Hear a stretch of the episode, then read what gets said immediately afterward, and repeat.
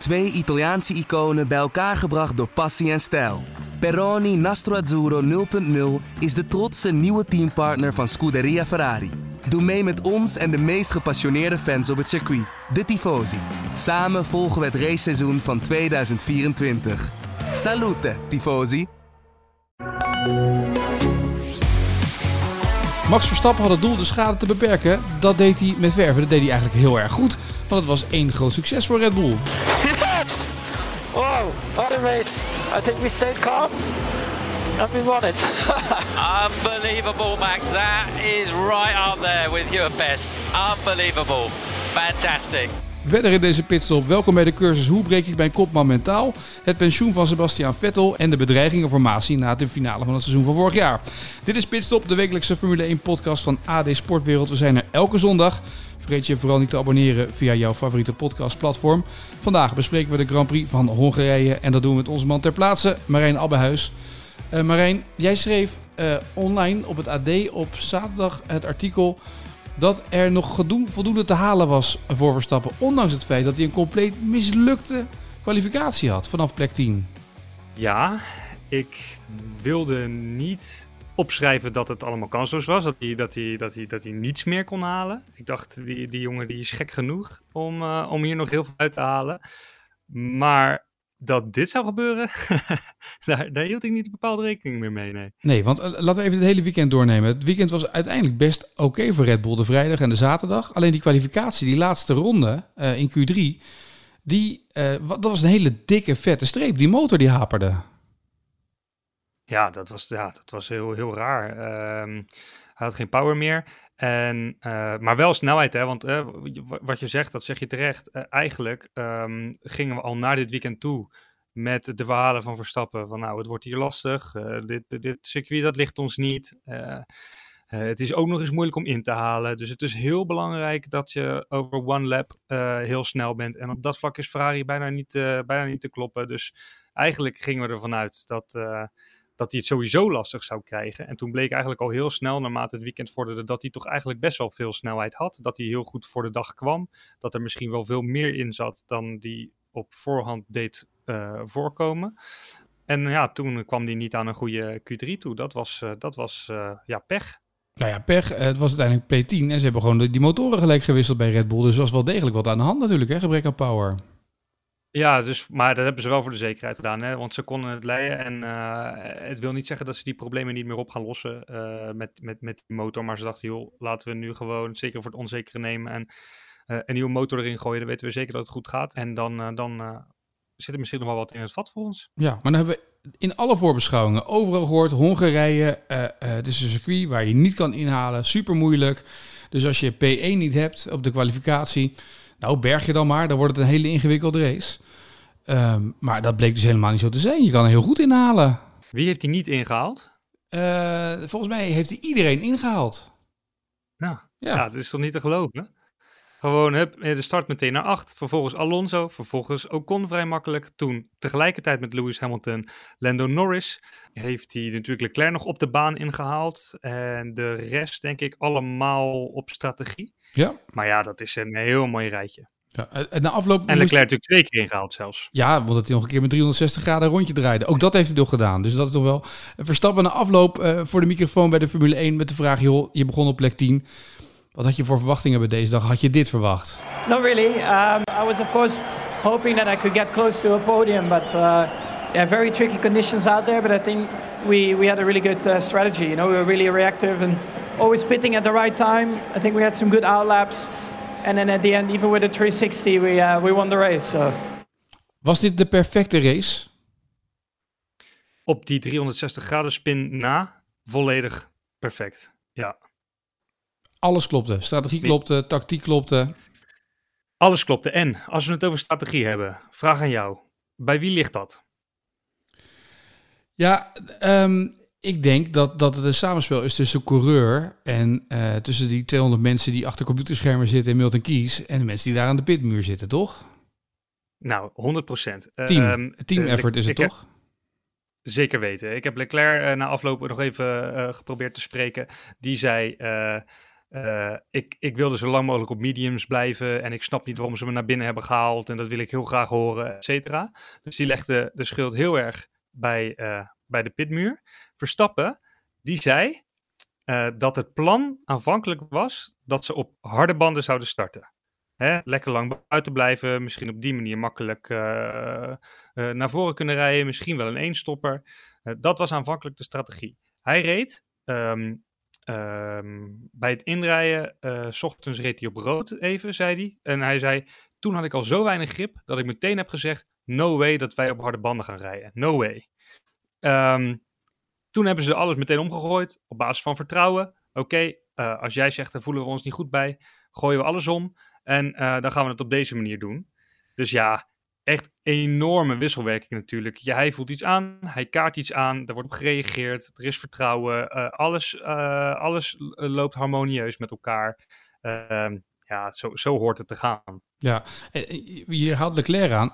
Ik denk ook gelijk even terug aan Sainz, die ook in deze race op een gegeven moment op een bordradio iets riep, dat je bijna denkt, wie bepaalt nu de tactiek? Jij, lijkt bijna alsof degene die aan de computer zit, dat die niks meer zien, want vorige keer zaten ze natuurlijk midden in inhaalacties van hem. Nou dat was een beetje televisie, hè, dus dat was iets eerder geroepen.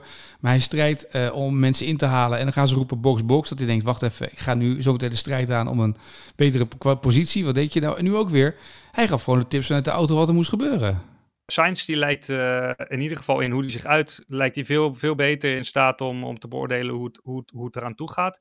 Uh, Leclerc lijkt wat reactiever, die lijkt wat apathischer daarin.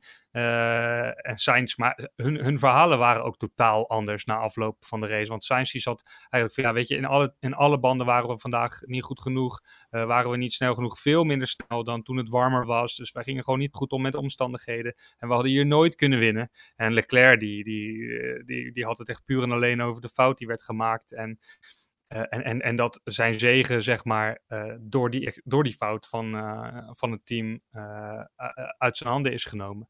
Dus ja, het zit daar gewoon, ja, op geen enkel vlak zit het daar goed. Het is echt onwaarschijnlijk slecht wat Ferrari laat zien eigenlijk al weken. Ja, het is toch onbegrijpelijk dat als de chef van ons zo meteen zegt tegen ons... die podcast moet om 10 uur online staan... En er moeten even een paar quotejes in. En dan wij dan zeggen, ja, we doen hem om 11 uur online bij wijze van spreken. Dat is een beetje hoe het klinkt. Dat je zegt, ik wil medium banden of ik wil langer doorrijden. Dan zegt het team, kom naar binnen en dan zetten ze daar witte banden neer waar je niks van af weet. Ja, ja, ik eh, vind het echt bizar. En ook nog eens, kijk, want Sainz had dan dus in feite dezelfde strategie als Lewis Hamilton. Alleen bij, bij Hamilton en Mercedes hebben ze die strategie op een goede manier toegepast. En bij Sainz zat het er gewoon helemaal niet op natuurlijk. Want hij deed net alsof um, uh, Mercedes op die harde band sneller was dan de Ferrari. Maar ja, zijn harde band was natuurlijk gewoon. Uh, nee, op die zachte band. En zijn zachte band, die van, van, van Sainz, die was natuurlijk al, al half versleten. Dus ja. daar had het mee te maken. En niet, en niet met de verschil in snelheid, want Ferrari was gewoon snel. Ja, maar dan zat ik dus ook. Ik was deze podcast aan het voorbereiden tijdens de race. En een van de eerste zinnetjes die ik had neergezet is van uh, uh, drie dagen in complete afzondering doet kennelijk een coureur goed. Want hij reed, uh, Leclerc reed richting de leiding. Je denkt dat het gaat weer goed komen voor hem. Maar toch ging het helemaal mis. En, en dus help je als team nu ook je coureur de vernieling in, toch? Ja, ja hij was gefrustreerd. En hij zat alleen maar. Ik zag hem een tijdje met uh, Sergio Perez praten. Hè. Ze waren een beetje aan het nakaarten van wat is hier nou, uh, wat is hier nou gebeurd en, uh, en, en hoe, is, hoe heeft dit mis kunnen gaan voor jullie? Dat is, zo, zo stel ik me even voor de vraag die, die, die Sergio Perez aan, aan, aan Charles Leclerc heeft gesteld. En die was alleen maar met zijn hoofd aan het schudden. En zijn lichaamstaal sprak echt boekdelen. Die, hij, hij weet het gewoon niet meer. En hij, het was ook weer, hij zei, alles gaat fout, we maken fouten, we zijn niet betrouwbaar. Uh, uh, we zitten niet op één lijn. Um, we hebben niks in die wereldtitelstrijd te zoeken op deze manier. We moeten op elk vlak beter. En ja, het is het, is het gewoon niet. En het nee. gaat het ook niet meer worden. Ik denk dat Hamilton een grotere kans maakt om tweede te worden in het WK dan Leclerc. Ja, het enige is wat, wat Ferrari nu dan zou moeten doen, goed leiderschap, zou zeggen, joh, we gaan de top van Ferrari vervangen voor volgend jaar. Want we moeten vertrouwen herstellen tussen coureur en tussen uh, de mensen die aan de pitlane zitten om dingen te bepalen. Ja, wat, wat, en wat moet je met de coureurs? Aan het begin van het seizoen vond ik Sainz uh, steeds uh, steken laten vallen op het moment dat het spannend werd. Nu lijkt Leclerc ja, gewoon een, een, mega breekbaar en ook niet, ook niet stevig genoeg in zijn bewoordingen, in, in, in de keuzes die hij wil maken. Dus ja, wat, wat moet je daarmee? Misschien moet je het vertrouwen wel omdraaien. Dat je zegt, zijn ze onze kopman en Leclerc laten we even in de schaduw de rest van het seizoen. Ja, ik ben benieuwd wat, uh, wat er dan gebeurt. Ja. Eén man was wel heel blij na afloop van de race. You know, the other guys still have a bit of an edge, but we're clearly closing the gap. And this is just an amazing way to go into the break, knowing that we have this performance. Hopefully, we'll bring some more into the second part of the season and start fighting with the guys up front. Lewis Hamilton, uh, die zag dat het gat met Ferrari, vond hij, gedicht was. Alleen Red Bull uh, zit daar nog een straat, tenminste Verstappen, laten we dat vooropstellen, zit er een straatlengte voor. Ja. Agree? Of is, heeft het ook zo. een beetje te maken met de weersomstandigheden? Het was vandaag wat kouder, dat ligt de Mercedes gewoon goed. Ja, dat, uh, dat, dat concludeert uh, Hamilton ook. Hij zegt, ik kan niet helemaal uitleggen waarom dat is, maar dat, dat lijkt wel zo te zijn. Ze zijn in ieder geval heel blij dat ze met Ferrari kunnen strijden. En ze hebben ze nu twee keer uh, duidelijk verslagen. Maar nee, ze, ze, ze, hebben nog wel een weg te gaan voordat ze, voordat ze Red Bull bij de Lurf hebben gegrepen. Ja, jij had ook een opdracht meegekregen in Pits op de tv-versie. Want ja, Lewis is het ook altijd goed en hele mooie antwoorden geven. Heel omslachtig, zonder daadwerkelijk te zeggen ja of nee. We hadden het over het geheugenverlies vorige week al in de podcast. Um, dus jij ging met de opdracht uh, naar, uh, naar Hongarije. Ik ga Lewis een vraag stellen en hij moet met een ja of een nee komen. Ja. Gaat hij nog een race winnen? Dat was een beetje de vraag. Maar gelukkig, je hebt de opnames nog, dus laten we even luisteren. Um, Lewis, last week you were very happy with the second place. Today you're satisfied as well, but uh, you're talking about what could have been. Um, so yes or no, you're going to win a race this year? I hope so. it's what we're working towards. I think today the there was potential for. I think this weekend there was potential for a win. You saw uh, George on on um, on pole. I think if we had both been up there, I think we probably could have worked a bit better together as a team. Um, I, I would have one of us would have to support each other strategy wise. Um, but I think uh, if we can able if we're able to take this pace into the second half of the, the season, for sure we can start to fight with the guys. I mean, this is this is the first time we've been able to fight and battle with a Ferrari. That's huge for us. Um, I think the Red Bulls probably still are uh, ahead. I mean, the fact that Max started 11th and spun and still said 10 seconds ahead says enough about the car. But um, I think we still ha have made huge progress and huge steps, and so to um, to have this consistency and two uh, double podiums in these last two races uh, gives us great hope and, and um, a, huge, a huge push for the second half. So it's a yes. That's the plan. Okay. het was nog niet helemaal een yes or no. Hè? Het was een, een vrij lang antwoord om ja of nee te zeggen van Lewis. ja, ja, ja. Je, je, je, moet toegeven dat ik mijn best heb gedaan, toch? Nee, absoluut. Ja, nee, want je begon, je zei alleen maar yes or no. En hij kwam met een verhaal. Het was nog net niet dat de wereldvrede erbij haalde. Maar het was, hij was hard onderweg, zeg maar, om er nog meer bij te halen in de wereld. Maar een dappere poging. ik vond het ook mooi dat je nog zei. Want hij zei nog, for sure we can... Dus ik dacht, oh, daar, zit, daar komt hij, weet je wel. En toen zei hij, so it's a yes. En toen moest hij toch een beetje lachen. En het was, toch, het was nog steeds een maybe, hè? Een beetje. Ja, ja. ja dat was... Uh, that's the plan, that's the plan. The plan ja. Maar goed, ze hebben in ieder geval iets gevonden uh, waardoor ze in de kwalificatie, Russell natuurlijk op zaterdag het goed deden, uh, waardoor Hamilton mee kon in deze race. Uh, het ging in ieder geval weer wat beter met Mercedes. Ja, ze vinden gewoon heel veel. Ze, vinden, ze, ze vinden steeds antwoorden. alles wat, wat Ferrari niet lukt, dat lukt Mercedes wel. Dus ja, staat er niet raar van te kijken dat het tegen het einde van het jaar um, interessant kan worden soms tussen Red Bull en Mercedes. Ja, um, een andere man die we even moeten bespreken. Checo Perez. Verlengde zijn contract rond Monaco. en sinds die contractverlenging is het langzamerhand... Pijlsnel. Het is gewoon, hij is gewoon uh, de afgrond ingestort, toch? Ja. Heeft ja. hij nog een punt gepakt sindsdien? Ja, hij heeft wel wat, wat puntjes gepakt, maar niet veel. Het is, het is niet ja. zeg maar eerste, tweede nee. of derde, nee. Nee, nee, het, het, uh, het is niks. En uh, vandaag ook, weet je, hij rijdt anoniem naar die, uh, naar die ja, vijfde plek nog wel. Maar uh, ja, komt natuurlijk niet in de buurt van wat, uh, van wat Verstappen laat zien. En wordt eigenlijk dus ook weer geklopt door Mercedes. Um, en zelfs door een Ferrari-coureur vandaag. Ja, dus wat, wat, wat, wat is dat? Hoe kan dit? Hebben ze daar een verklaring voor? Wat schijnt dat, dat ze daar bij Red Bull ook wel een beetje het hoofd overbreken, toch? Ja, ik weet niet hoe dat kan. Ja, ik heb zelf, en, en, maar dat is echt, echt, echt puur uh, mijn, persoonlijke, mijn persoonlijke gevoel hierbij. Ik ben, ik ben nooit zo heel erg enthousiast geweest over, over Sergio Perez überhaupt.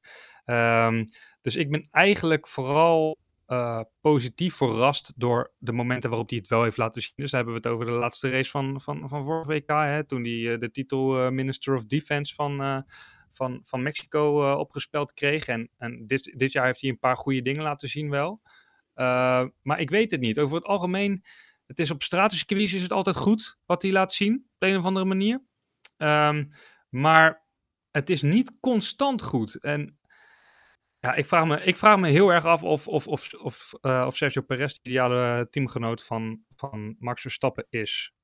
Ja, de vraag is natuurlijk wie is het dan wel, want de afgelopen jaren heeft hij zoveel mensen versleten dat niemand eigenlijk in zijn schaduw kan staan. Nee, maar dat is, dat is dus inderdaad punt twee. En dan is het prima dat je, dat je zijn contract hebt verlengd. En dan moet je met hem gaan kijken hoe, hoe je ervoor kan zorgen dat, uh, dat die ondergrens wat, uh, wat hoger komt te liggen. En wat dichter bij die bovengrens. Want die bovengrens is natuurlijk wel gewoon heel sterk. Ja, dat is duidelijk. Uh, het was ook het weekend van het afscheid van Vettel, hè? Had hij uh, goed uh, aangekondigd. En, en daarmee gelijk ook onze podcast van vorige week zondag gelogen gestraft. Waarin Arjan en ik uitgebreid hadden over Nick de Vries. Nou ja, weet je wel, wat goed is komt snel en het duurt allemaal veel te lang. En die staat geen eens op de lijstjes nu weer bij Aston Martin. Staat wel lijstjes, ja, maar ik denk dat de kans niet groot is dat hij dat stoeltje krijgt. Ja, zeg dat nou niet, want zometeen zit hij in die wagen, hè? Dat bedoel... Nou ja, als ik dat daarmee uitlok, zou het alleen maar mooi zijn. Dus dan ga ik het heel hard roepen. Hij zit er niet te wagen. Nee. Maar uh, Vettel, uh, ook wel logisch toch dat hij nu zegt, joh, ik ga daar punt achter zetten. Hij gaf ook wel wat, wat redenen. Ik dacht, die passen ook wel bij hem. het vliegen heeft hij meer moeite ja. mee. Het op reis zijn. Hij vindt dat het een, een, een sport is waarin ja, die niet heel erg duurzaam is. pas wel bij de nee, Vettel van helemaal nu. niet als je zo rondrijdt als hij dit jaar. Want hij heeft geloof ik al vijf auto's gesloopt. Ja. Worden die beter ja, dat is niet van. een duurzame manier van coureur zijn. Nee, dat is waar. Maar was wel klaar. Dit weekend ook weer. Ja, ja die, die gasten hebben keihard gewerkt om nog een hele nieuwe motor in elkaar te zetten voor hem. Hij zelf, hij Ja, zelf heeft ja. meegeholpen. Ja, ik zag, zag het, zag ja. je hem niet staan met een schroevendraaier in zijn hand? Nou, wat ik ook heel slim vond van Aston Martin, dat ze daar gelijk een camera op hadden gezet. Dat er, want er stond een goed beeld was erbij, dat, hij, dat je zag dat hij aan het schroeven was. Dat was op zich heel knap van ze, heel slim.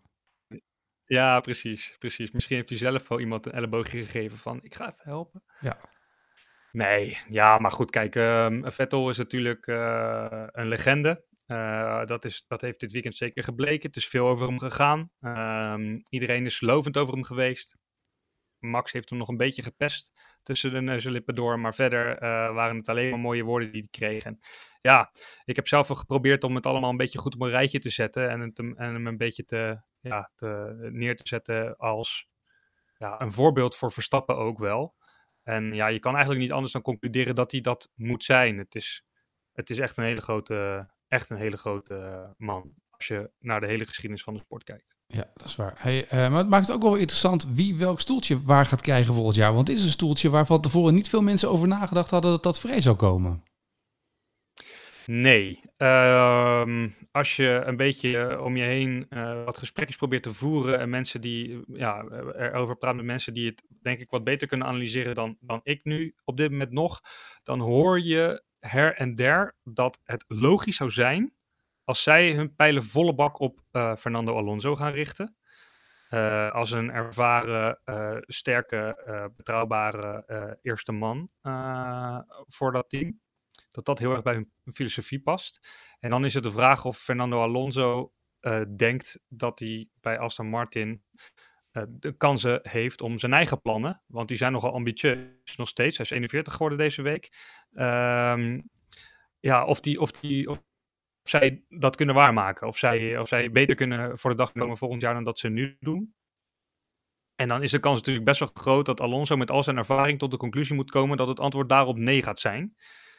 Eh, en dan zou ehm, Daniel Ricciardo misschien een optie zijn. Oh, daar helpen ze gelijk McLaren ermee. Maar dan moet McLaren kan dan weer iemand anders daarin gaan fietsen uit Amerika, bij wijze van spreken, wat ze al hopen. Ja, dat denk ik, ja. Oké, Ja, dus dat, dat lijken me de twee meest, eh, meest logische opties. oké. Nou ja, dan gaan we dat afwachten. Ehm, ik las ook het verhaal van Michael Masi. Eh, vorig jaar beroemd geworden door de quote No Mikey, no. Vorige week nog gedraaid. That is so wrong van Toto Wolff. Eh, maar die heeft daarna Mhm. echt de halve wereld over zich heen gehad. Als je dat verhaal een beetje leest dan op social media. Die is met de dood bedreigd en dat soort dingen allemaal. Ik denk altijd, dat is Ja. ook weer niet waard. Hè? Het is gewoon maar een auto, het is maar een sport, het is maar een spelletje. Ja, maar goed. Zo zit de wereld blijkbaar in elkaar tegenwoordig. Het is heel erg treurig en het is, dat is ook de reden waarom. Kijk, eh, het was goed getimed dat, eh, dat Masi dit, eh, dit vertelde. Want ze hadden een actie, hè, gezamenlijk als hele sport, tegen al die violence die ze over zich heen krijgen, vooral via sociale media. Ehm, dus ja, ik denk dat, dat, dat Hamilton en, en Verstappen hier ook over mee kunnen praten. Dat op het moment dat de een de ander eruit eh, jaagt op, eh, op Silverstone, of dat de ander de een besteelt van een wereldtitel in de ogen van, eh, van, van sommige Lewis-fans. Het, het is helaas is het onderdeel van, van, van de wereld gaan uitmaken. En ja, het is met z'n allen, ja, we hopen denk ik met z'n allen dat daar op wat voor manier dan ook een keer een eind aan gaat komen. Maar het is heel vervelend en ehm, steeds terugkerend item. Ja, die, goed, je had het natuurlijk ook bij Latifi. Die heeft ook, ook meegemaakt, omdat die auto in de muur had gezet bij die laatste race in Saudi-Arabië. Dat die daardoor ook bedreigd is met de dood door- op, via social media.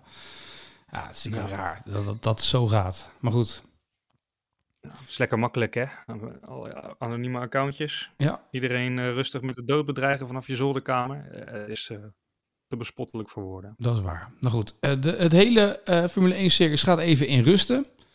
Eh, wij ook. Wij gaan ook even een paar weken rustig aan doen. Maar, maar. Ja, maar het is twee weken. En dan gaan we zo meteen weer naar België. En dan gaan we weer naar, naar Zandvoort. Waar alle plannen weer voor gemaakt. Maar ik bedacht mij, je moet even goed om je heen kijken. Want jij bent met die bus toch op pad? Ja, Nou, klopt. je moet even op je heen kijken, hè? Het kan zomaar zijn dat jij morgenochtend je raampjes open doet. En wie staat er dan naast je? Well, Max, we know we're on the summer break now. I believe the Dutch are keen on camping. Are you going to be taking a caravan for a couple of weeks? Ah, I mean, uh, that's what a normal Dutch would do, right? So maybe I should get back to it. Okay, well, enjoy the summer break. Enjoy the victory. Ja, het zou zomaar kunnen zijn als je morgen die gordijntjes open doet. Of overmorgen dat je dan ineens het, eh het oorlijke hoofd van Max Verstappen naast je ziet staan. Eh, dat zou leuk zijn. Alleen ik zit nu eigenlijk volle bak in mijn hoofd met... ehm, word, word ik nu door Max Verstappen eh, een normal Nederlander genoemd? Of is mijn Fiat busje uit 1987 toch wel heel anders dan een caravan waar de meeste Nederlanders mee op pad gaan? Wat, wat, wat vind jij? Nou, ik voel een volgende challenge aankomen. En of dat nou eh, Zandvoort wordt of dat het de, Zand, of de challenge in Spa wordt, dat maakt mij niet uit. Maar ik denk dat je hem dit zelf moet vragen of jij een normal Dutchie bent. Oké, dat ga ik doen. Dat Ja. komt wel goed. Ik denk dat dit wel een hele leuke is. Maar denk je dat Max gaat eh, als kamperen? ik hem dan nog heb, want eh, Binotto, ik heb de hele weekend heb ik een beetje contact met hem gehad over eh, wat doen we nou met die Ferrari en wat doen we nou met mijn Fiat. Eh, hij heeft wel voorzichtige interesse getoond in, in mijn Fiat. Ik heb tegen hem gezegd van joh, zorg, zorg jullie er nou voor dat eerst die strategie in orde is, dat alles, daar zo aan die pitmuur, dat je daar geen klagen meer over hebt. En dan kunnen we altijd nog de Ferrari de schuld geven en hem ruilen voor de, voor de Fiat. Maar voorlopig heb ik mijn Fiat dus nog. Ja, maar ik, ik had het idee toen hij wegliep, vlak voor het einde van die race, dat hij naar jou toe liep naar boven om nog even de laatste onderhandeling te voeren, of niet? Ja, ja, hij, hij, eh, hij kwam naar me toe, maar hij gaf me alleen een knikje, dus we bellen er morgen verder over. Heel goed. Nou, misschien dat je morgenochtend dus eerst Max Verstappen ziet als een echte Dutchie met een caravan of een, eh, of een kampeerhutje naast je. Met mevrouw Piquet erbij. Leuk. Eh, en dan Ja, eh, dat eerst morgenochtend om wakker te worden. En dan daarna hoor je Binotto nog wel met een bot. En dan over drie weken zijn we terug. En dan gaan we Spa-Francorchamps bespreken. Misschien wel de laatste in België. Je weet het nooit. Eh, en dan gaan we op naar Zandvoort. God, het worden leuke weken zometeen. Hè? Augustus, september. Heerlijk. Drie achter elkaar, want het is eh, België, Nederland, Italië. En neem jij, die, neem jij die, die, die bus van jou ook mee naar Zandvoort? Heb je een parkeerplek of niet? Of slaap je bij ons in het hotel? Eh, ik heb een hotel, ik heb een hotelkamer. Ja? Oh, ik dacht, Ja. je neemt die bus Maar- mee. ja, ja, kan ik. Ik, eh, ik ben, als dat hotel een, eh, een parkeerplaats heeft, dan zetten we die bus daar gewoon op. Ja, maar we gaan op het strand zitten. Hè? Ik denk, je neemt hem mee naar het strand. Dan, eh, Oh, nou, nemen we mee naar het strand. Prima, gaan we vanaf daar die podcast opnemen. ja, nou, we gaan eens even kijken wat we kunnen regelen daarvoor. Lijkt me een goed plan. Ik wens je een paar mooie weken. En we zijn terug over drie weken als we weer in België racen. Dankjewel Marijn, een goede reis terug. Ja, dan.